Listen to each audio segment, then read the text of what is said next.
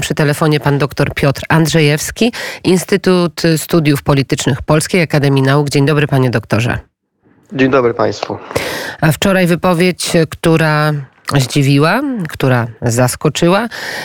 Wypowiedź e, premiera mm, Austrii, e, który powiedział o tym, że, e, że przepraszam, minister spraw zagranicznych Austrii Aleksander Schallenberg powiedział, że jego kraj nie poprze ewentualnego embarga na rosyjski gaz. Jego zdaniem Zachód nie może w tej kwestii oberwać rykoszetem. Skąd taka decyzja, panie doktorze? Skąd takie, taka linia polityczna w Austrii? Przede wszystkim to nie jest żadne zaskoczenie, przynajmniej nie dla osób, które się Austrią interesują, ponieważ Austria od lat, czy nawet już dekad, jest jednym z najbardziej prorosyjskich państw i prorosyjskich społeczeństw w Unii Europejskiej. Należy przypomnieć, że Austria, jako kraj neutralny w czasie zimnej wojny, zawsze starała się balansować pomiędzy Zachodem i pomiędzy blokiem wschodnim. Była też pierwszym państwem, które zbudowała gazociąg. Pierwszym państwem zachodnim, które zbudowało gazociąg ze Związku Radzieckiego, żeby zacząć przyjmować gaz. To jest bardzo ważne. I stopień uzależnienia Austrii, tej Alpejskiej Republiki, od rosyjskiego gazu jest znacznie większy niż w przypadku Niemiec, ponieważ sięga aż 80%. A w Niemczech to było 55%, a obecnie y, spadł do 40%. Także mamy, możemy mówić o dwukrotnie e, większym uzależnieniu Austrii od gazu niż w przypadku Niemiec. Ale to nie tylko chodzi o samo uzależnienie e, energetyczne, bo akurat Austria większość swojej energii elektrycznej ma to szczęście, że jest to kraj górzysty, czerpie z elektrowni wodnych postawionych na alpejskich rzekach. I y, rezygnacja z gazu de facto nie byłaby aż tak wielkim problemem, pomimo większego procentowego uzależnienia gospodarczym, niż w przypadku Niemiec gdzie, gdzie gaz odgrywa znacznie większą rolę w energetyce y, czy w ogrzewaniu domów. Y, także trzeba przyznać się, że ze strony Austrii y, jest to, jest to dość haniebny, dość haniebny unik i chowanie się, e, chowanie się za statusem państwa neutralnego.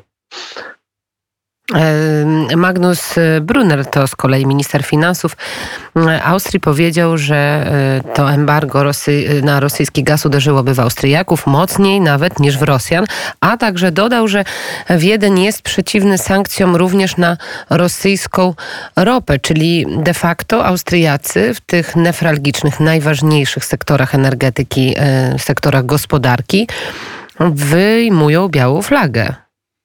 Zdecydowanie tak należy to określić e, i trzeba też pokazać kontekst, ponieważ to, co e, Magnus Brunner powiedział, to jest reakcja na słowa prezydenta Francji, Emmanuela Macrona, który apeluje o wprowadzenie sankcji właśnie na węgiel i, węgiel i ropę przynajmniej. Ale nie A pojawia się gaz tam, ale na razie ale nie ma tak, tak, tam nie pojawił się, tam nie pojawił się na razie gaz.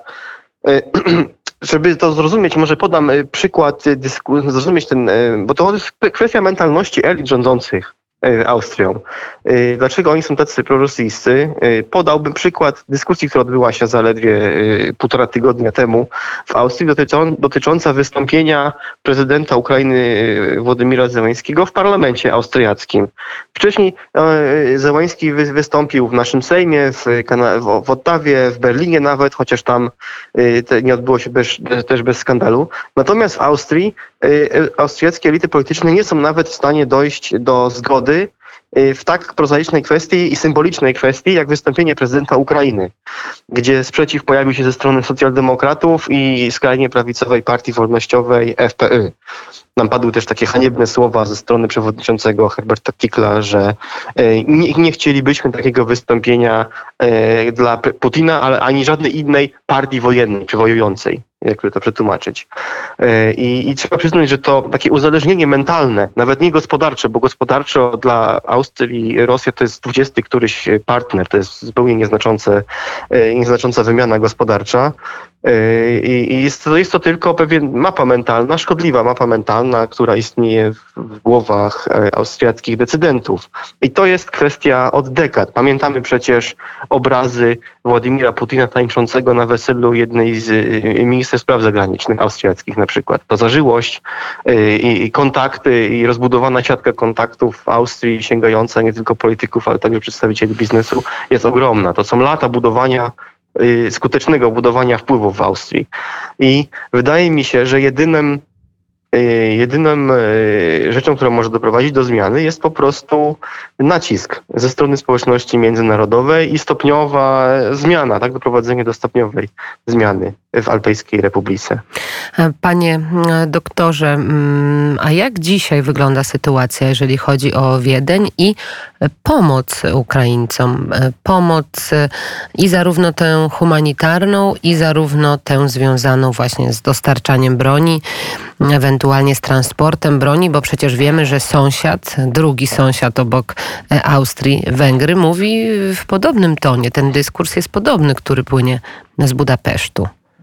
Austria jest, tak jak mówiłem, ona w przeciwieństwie do Węgier, yy, które nie mają tej wymówki, jest państwem neutralnym od 1955 roku, co oznacza, że żadnej wysyłki broni, nawet defensywnej, ani nawet hełmów ze strony austriackiej nie będzie.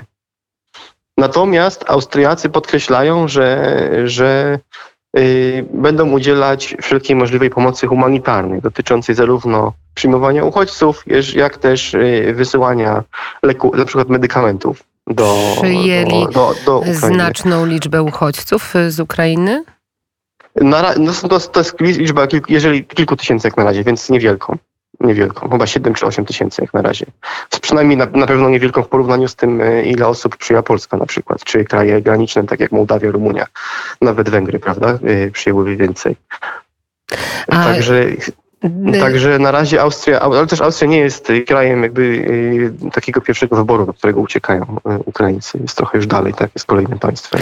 A jak wyglądają dzisiaj relacje pomiędzy Wiedniem a Budapesztem po wygranych wyborach przez Viktora Orbana? Jak będą wyglądać i jakie były do tej pory? E, to znaczy, jest, jest, to pewna, jest to pewna e, złożona sytuacja, ponieważ rządzi rząd koalicyjny w Austrii obecnie, partii konserwatywnej, partii ludowej, która próbowała budować takie mosty pomiędzy, pomiędzy e, Wiktorem Orbanem a, a tym europejskim mainstreamem politycznym, ale z drugiej strony jest też drugi koalicjant, czyli Partia Zielonych, która jest krytycznie nastawiona wobec Wiktora Orbana. E, także jest, ta postawa jest niejednoznaczna. Jest niejednoznaczna. Przy czym trzeba powiedzieć, że zarówno kanclerz y, Nehammer, jak i minister spraw zagranicznych Aleksander Schallenberg są z partii ludowej, czyli konserwatywnej, co oznacza, że ich podejście do, do Orbana może być umiarkowanie pozytywne. Austriacy zawsze się przedstawiają jako państwo neutralne, jako wielki budowniczy mostu i uważają, że należy rozmawiać z każdym sytuacji konfliktu na Ukrainie uważam, że należy rozmawiać także ze stroną, z agresorem, czyli z Władimirem Putinem. Ale to jest ich stanowisko, stanowisko od, od lat i dekad. To jest i takie modus operandi austriackiej polityki zagranicznej. dosyć Od czasu zimnej wojny. Od czasu tak. zimnej wojny. To jeszcze naprawdę na koniec, bo czas nas zgoni. Schallenberg też powiedział, że jego kraj wesprze oskarżenie Rosji o zbrodnie wojenne. To jakiś przełom może być, jeżeli chodzi o nastawienie do Moskwy? To nie, nie. Tak by, dla nas to jest oczywiście pewna niespójność wewnętrzna, mhm. natomiast dla Austrii nie ma problemu z tym, żeby dalej uhonorować kontrakt gazowy, jednocześnie głośno mówić y, i działać y, w kwestii praw człowieka i ich łamania. To jakby ze strony Austrii nie ma, y, to nie jest żadne zaskoczenie. Trzeba też pamiętać, że Austriacy odgrywali dużą rolę humanitarną w czasie wojen na Bałkanach na początku, y, czy w trakcie lat 90., także dotyczącą, y, dotyczącą badania łamania praw człowieka. Więc w tej dziedzinie Austriacy mają pewne zasługi i pewien dorobek i pamięć instytucjonalną. Więc to nie jest ani żadne zaskoczenie, ani żaden przełom w Austrii. To jest po prostu kontynuacja tej polityki, którą prowadzili e, od lat. Pieniądze pieniędzmi, gospodarka gospodarką, e, a no, prawa człowieka. Tak, mam wartości rozdzielone wartości. od kwestii ekonomicznych. Mhm. Tak? To jest, Rozumiem. To jest Jak właśnie austri austriacki model. Dualizm. E, bardzo dziękuję. Pan dr Piotr Andrzejewski, Instytut Studiów Politycznych Polskiej Akademii Nauk, komentował sytuację w Austrii. Dziękuję panie doktorze. Dziękuję bardzo.